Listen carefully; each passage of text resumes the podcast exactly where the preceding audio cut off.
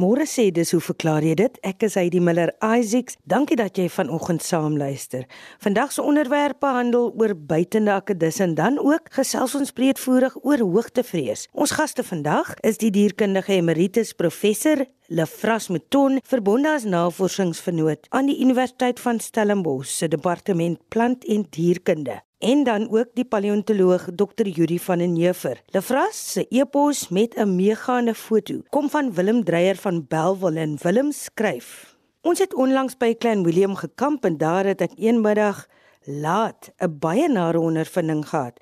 Kan jy glo 'n akedus het my gebyt. Ek het 'n paar groot klippe nodig gehad om 'n windskerm by die vuur te prakseer en het toe hierdie baie stekelrige draakie van 'n akedus in 'n gleuf tussen twee klippe gekry. Ek wou hom vir my mense gaan wys en vang hom toe, groot fout. Hy het sy kop sywaarts gedraai en my aan die een hand beet gekry en my die byt van my lewe gegee. Die eerste was dat hy nie weer wou los nie. Ek is toe met die akedus wat aan my hand hang terug kamp toe tot groot vermaak van my familie. My vraag is, byt alle akedisse so seer en is dit normaal dat hulle nie weer wil los nie? Dit was nie 'n baie groot akedus nie oor aan jou Lefras. Môre Heidi en luisteraars, Willem, die meeste akedisse is maar geneig om as 'n eerste reaksie te byt as jy hulle in die veld sou vang. Dit is 'n verdedigingsmeganisme teen predatore. En ja, baie klou vir die vader vas as hulle jou eers beet gekry het. 'n Mens kan jou indink dat dit vir 'n slang uh byvoorbeeld baie moeilik sal wees om so 'n vasbytende akedus te manipuleer om in te sluk. Ek het al baie pret met studente tydens veldekskursies gehad deur hulle uit te daag om 'n akedus gewoonlik dan nou so 'n lekker ou groot gytjie soos Bibron se gytjie aan hul oor te laat byt. Die gytjie byt nie vreeslik seer nie, maar hy laat ook nie los nie en dan staan die student daar met die gytjie wat aan die oor hang. Willem Die akedus op die foto is die armadil akedus, Ouroboros cataphractus. Uh die naam armadillo is 'n direkte vertaling van die Engelse naam armadillo. Uh die name geeltuisie en blinkoogie word in sekere streke gebruik en dit is waarskynlik baie mooier name. Die armadillo akedus is endemies tot die Weskusgebied van Suid-Afrika en is basies beperk tot die lae reënvalgebied van die winterreënvalstreek. Met ander woorde tot die sukkulente Karoo bioom. Nou hierdie swaar gepantserde akedisse met hulle skerp stekels herinner baie aan die ou volk akedisse wat ons daar in die Vrystaat kry. Hulle is nou net baie kleiner. Hulle is klipbewonend en hulle is ook bekend daarvoor dat hulle in groepe bly en hulle vertoon dan ook verskeie aanpassings tot groeplewe. Maar kom ons gesels oor sy byt. Vir sy grootte het hy een van die kragtigste byte onder akedisse. Ek is jammer dat jy nou daarmee moes kennis maak Willem, maar ek het daarom ook goeie nuus vir jou. Die armadil akedis is glad nie aggressief nie en wou maar net sy eie stert vasbyt om homself in so 'n stekelballetjie op te rol. Uh dit is 'n baie bekende uh verdedigingsmeganisme van hierdie akedus. Ongelukkig het jou hand nou sy pad gekom, hy het jou aan die hand beet gekry en hy het gedink hy hy het sy stert beet. Uh, dit is wat gebeur het. Luisteraars kan gerus op die internet of in 'n veldgids soek vir 'n foto van so 'n opgerolde armadil akedus. Dit is 'n baie gewilde foto om te neem. Ek dink luisteraars sal verbaas wees om te hoor dat die akedus se kragtige byt en ook hierdie sterkbyt oprol gedrag die gevolg is van insluiting van termiete in sy dieet. Die suidelike grasdraad termiet Microhodothermus viator is die termiet hier te sprake. Nou hierdie termiet is van die min termiet spesies wat ook gedurende die dag aktief is. Die termietkolonies se neste is ondergronds en elke nes het 'n hele aantal sogenaamde voedingspoorte op die oppervlak. Nou die van julle wat baie in die veld rondloop, sou al gesien het hierdie gaatjies met so 'n klomp stokkies of uh, grasspriete rondom. Uh dit is die voedingspoorte. Wanneer toestande nou of omgewingstoestande geskik is, kom die termiete na die oppervlak om plantmateriaal te versamel en by die voedingspoorte is daar dan nou gewoonlik so 'n samedromming van termiete. Dit is nou hier by die voedingspoorte waar die akedisse dan nou termiete oes as ek dit nou so kan stel. Uh net soos ander lede van die familie waartoe hy behoort is die armadil akedus 'n tipiese sit en wag voeder. Met ander woorde, hy loop nie rond en soek aktief uh vir termiete nie. Uh aktiwiteit by die termietneste se voedingspoorte waar die termiete nou in uitgaan Dit word vanaf 'n uitkykpunt by die Armadil Akedus se klipskeer raak gesien en die akedisse gaan dan uh, direk na die voedingspoorte waar hulle hulle dan in 'n baie kort tydjie knibbeldik kan vreet. In soverre dit voedselverkryging by eenheid tyd aanbetref, is termiete dus 'n baie lonende voedselbron. Daar's egter een groot nadeel aan termitofagie verbonde, net termitofagie verwys nou na om termiete te eet. Uh om op termiete te voed, moet die akedisse soms aansienlike afstande van hulle skuilplekke af weg beweeg tot sover as 20 meter of selfs meer en tydens hierdie voedingsekskursies in die semi-ariede omgewing waarin hulle voorkom is die akedisse dus baie blootgestel aan roofdiere veral klein soogdiere en slange.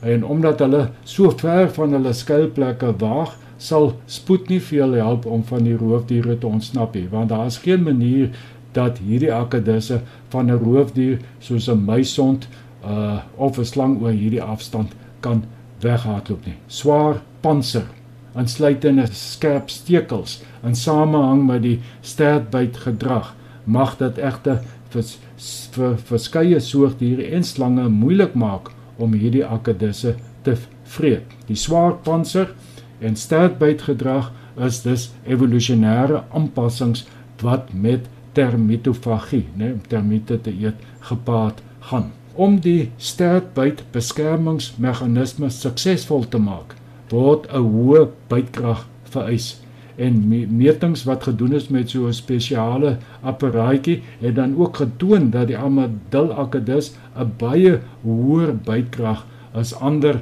naverwante akedusse het.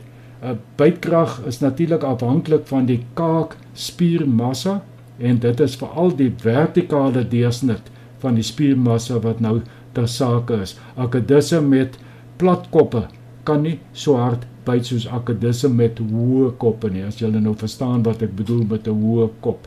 Akedisse wat in klipskeure skuil, is gewoonlik afgeplat, dorsoventraal afgeplat, sodat hulle in baie smal skeure kan skuil en sodoende meer potensiële predatore kan uitskakel. Die hoë bytkrag van die armadil akedus beteken dus dat die akedisse nie in baie smal skeure kan skuil nie. Hulle koppe is te hoog maar die goed ontwikkelde stekels op die stert kompenseer egter hiervoor. Wanneer die akedisse nou in klipskeure skuil, wys die sterte altyd in die rigting van die skeuropening of is in die rigting van die opening om die akedis gevou. So dit gee dan nou 'n beskerming aan die akedis teen spesifiek slange.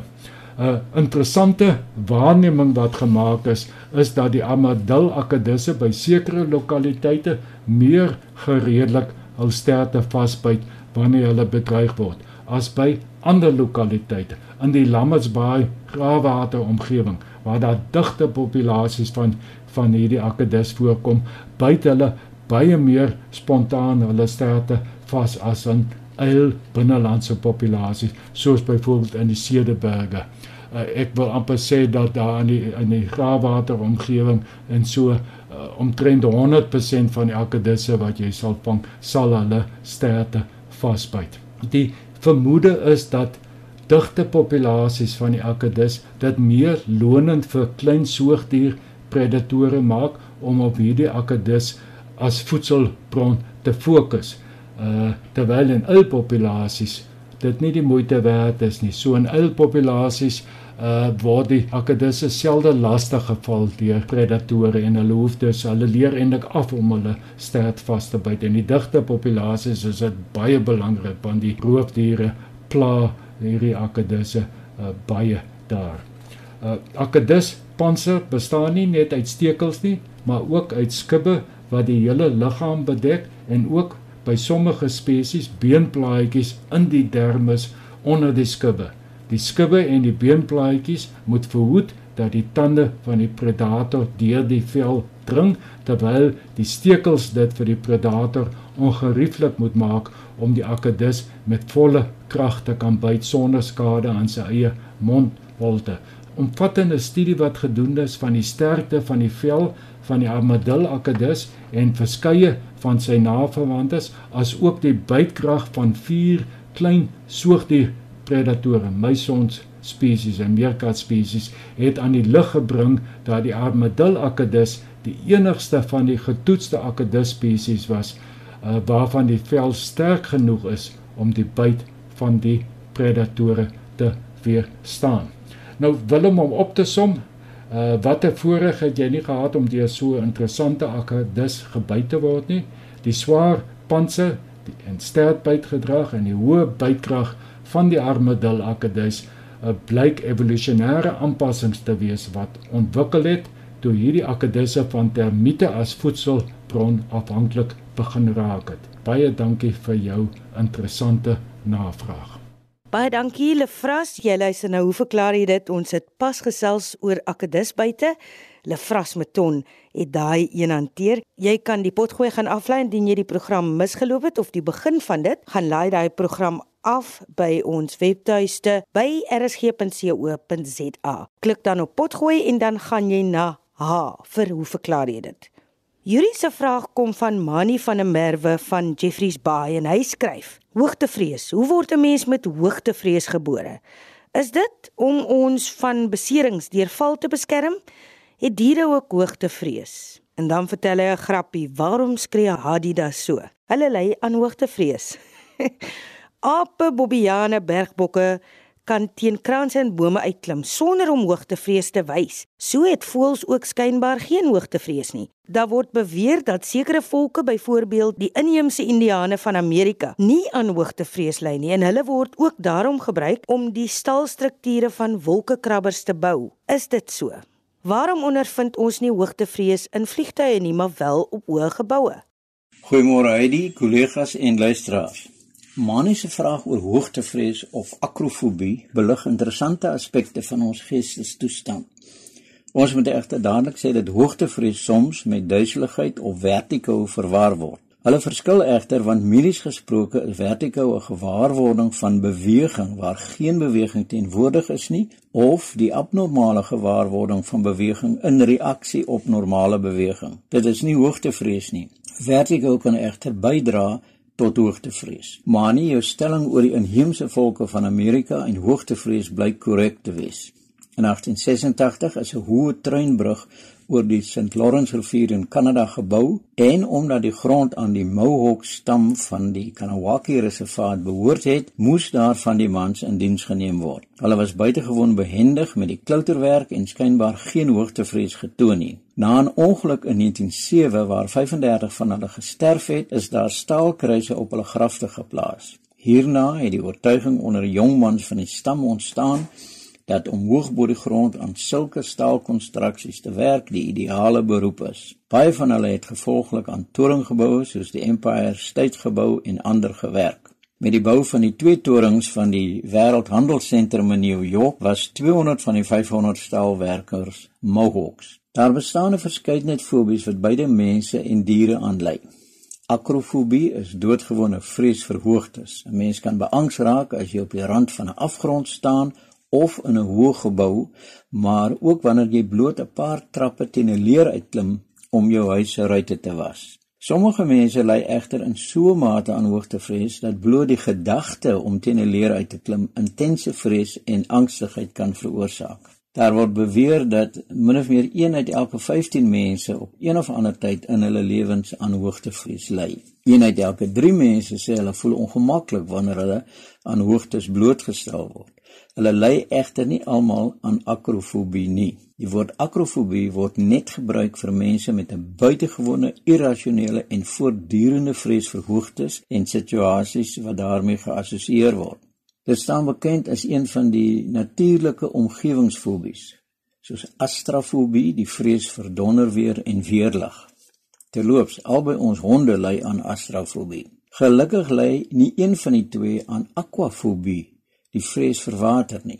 Vriende vir ons het desjare 'n Ierse wolfhond gehad wat geen vrees vir water getoon het nie. Elke klippie wat hy aan die diep kant van die swembad ingegooi het, het hy keer op keer op die bodem gaan uitduik. Honde ly soms ook aan skeelfobie, 'n vrees vir skadewes. Daar bestaan 'n hele lys irrasionele vrese waaraan ons ly en mense met hierdie vrese doen baie moeite om die voorwerp of situasie wat die vrees aanwakker sover as moontlik te vermy. Mense wat aan klaustrofobie of engtevrees ly, hou nie daarvan om ingeperk te wees nie en verkies in verdiepinggeboue die trappe bo die huise. Leiers aan agorafobie vrees vir die wye ooptes en verkies in oorwegend binneshuise bestaan. Heelwat mense vrees dit ook om in die openbaar te praat. Hierdie soort fobie kan op enige gegeewe tyd ontwikkel en dit is my innige wens dat sommige politici met hierdie fobie geslaan kan word. Dink maar aan die blye dag wanneer Donald Trump 'n fobie oor die gebruik van sosiale media sou ontwikkel. Sommige mense het wel 'n fobie oor vliegtye. Dit is heel moontlik nie oor die hoogte waarop gevlieg word nie, maar wel die vrees vir ongeluk. Aangesien 'n mens heel knus in die romp van die vliegtuig nie eintlik bewus is van die hoogte bo see speel nie.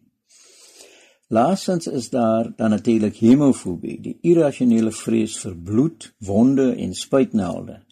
In die verband onthou luisteraars seker die bekende Britse televisiereeks Doc Martin waar die hoofkarakter 'n hoogs opgeleide chirurg as gevolg van 'n embarrasserende fobie nie in die mediese Mekka van Londen, te wete Harley Straat kan praktiseer nie, maar as 'n algemene praktisyn in 'n klein Engelse kusdorpie werk omdat hy elke keer as hy bloed sien of 'n inspuiting moet gee, naar word en fumeer.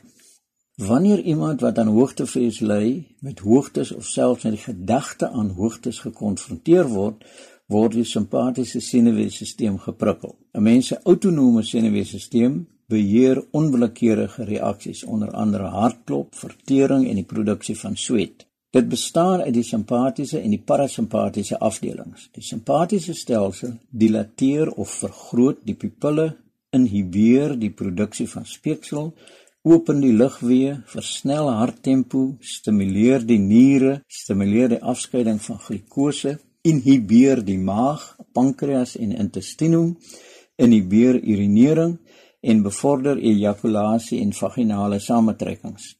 Terwyl die parasimpatiese stelsel presies die teenoorgestelde doen. Die simpatiese stelsel berei dus die liggaam voor vir 'n noodtoestand. Hierdie opwekking help of met die konfrontering of ontvlugting van 'n situasie. In die voertaal word dit die veg of vlug reaksie genoem. So 'n persoon kan vertigo ervaar as 'n bewegende of 'n tollende sensasie, toename in harttempo, kort asem, sweet, angs, beewerasie en naait of 'n ongestelde maag. Mense met akrofobie kan hierdie respons toon selfs as daar geen gevaar teenwoordig is. Sommige mense ervaar dit selfs as hulle net aan hoogtes dink. Daar bestaan twee denkrigtinge oor akrofobie. Aan die een kant word dit gesien as 'n evolusionêre aanpassing waarmee ons gebore word. Volgens die tweede sienswyse is dit aangeleerde gedrag. In beide gevalle sou dit dan 'n beskermende funksie verrig. As die verklaring dat die vrees vir sekere situasies of entiteite inherënt deel van ons samestelling is en dat dit 'n evolusionêre voordeel bied, moet dit ook vir alle fobies geld. Maar dit is nie so nie.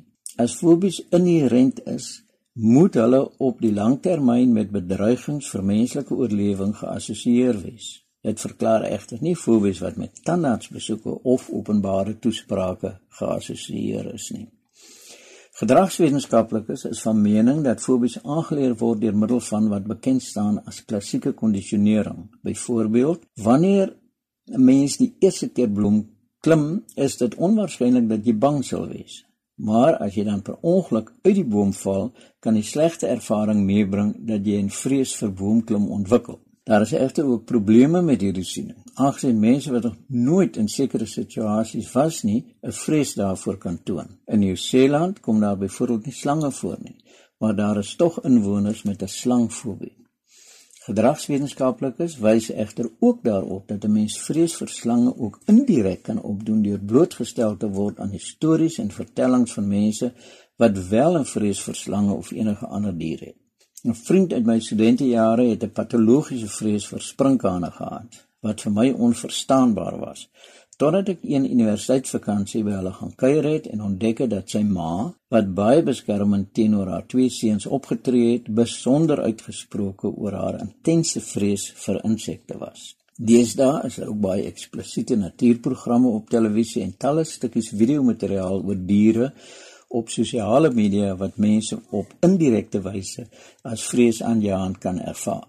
In die finale analise lyk dit dus of die mees redelike verduideliking vir sulke vrese is dat dit beide 'n evolusionêre en 'n gedragsoorsprong kan hê. Beide voorstanders van die evolusionêre en gedragskole reken dat 'n fobie behandel en selfs genees kan word deur sistematiese desensitasie. Met ander woorde, die geleidelike blootstelling van die persoon aan die gevreesde voorwerp of toestand in 'n veilige en beheerde omgewing sodat so 'n persoon algaande leer dat hy of sy nie in 'n gevaarlike situasie is nie en dat die fobiese reaksie dus nie plaasvind nie. Met die tyd so glo die voorstanders van hierdie soort behandeling sal 'n persoon van sy of haar fobie bevry kan word of dit ten minste tot 'n hanteerbare vlak reduseer Dankie aan vandag se gaste en jy het pas geluister na Dr. Judy van den Heever en voor hom het emeritus professor Lefras Mouton gesels. Ons is aanstaande week terug en dan gesels Duif Peppler oor 'n effense netelige saakie. Waar in die ingewande ontstaan winde. Nou ja, dis aanstaande week se sake. Intussen hoop ek jy geniet jou Sondagmiddag in absolute vrede.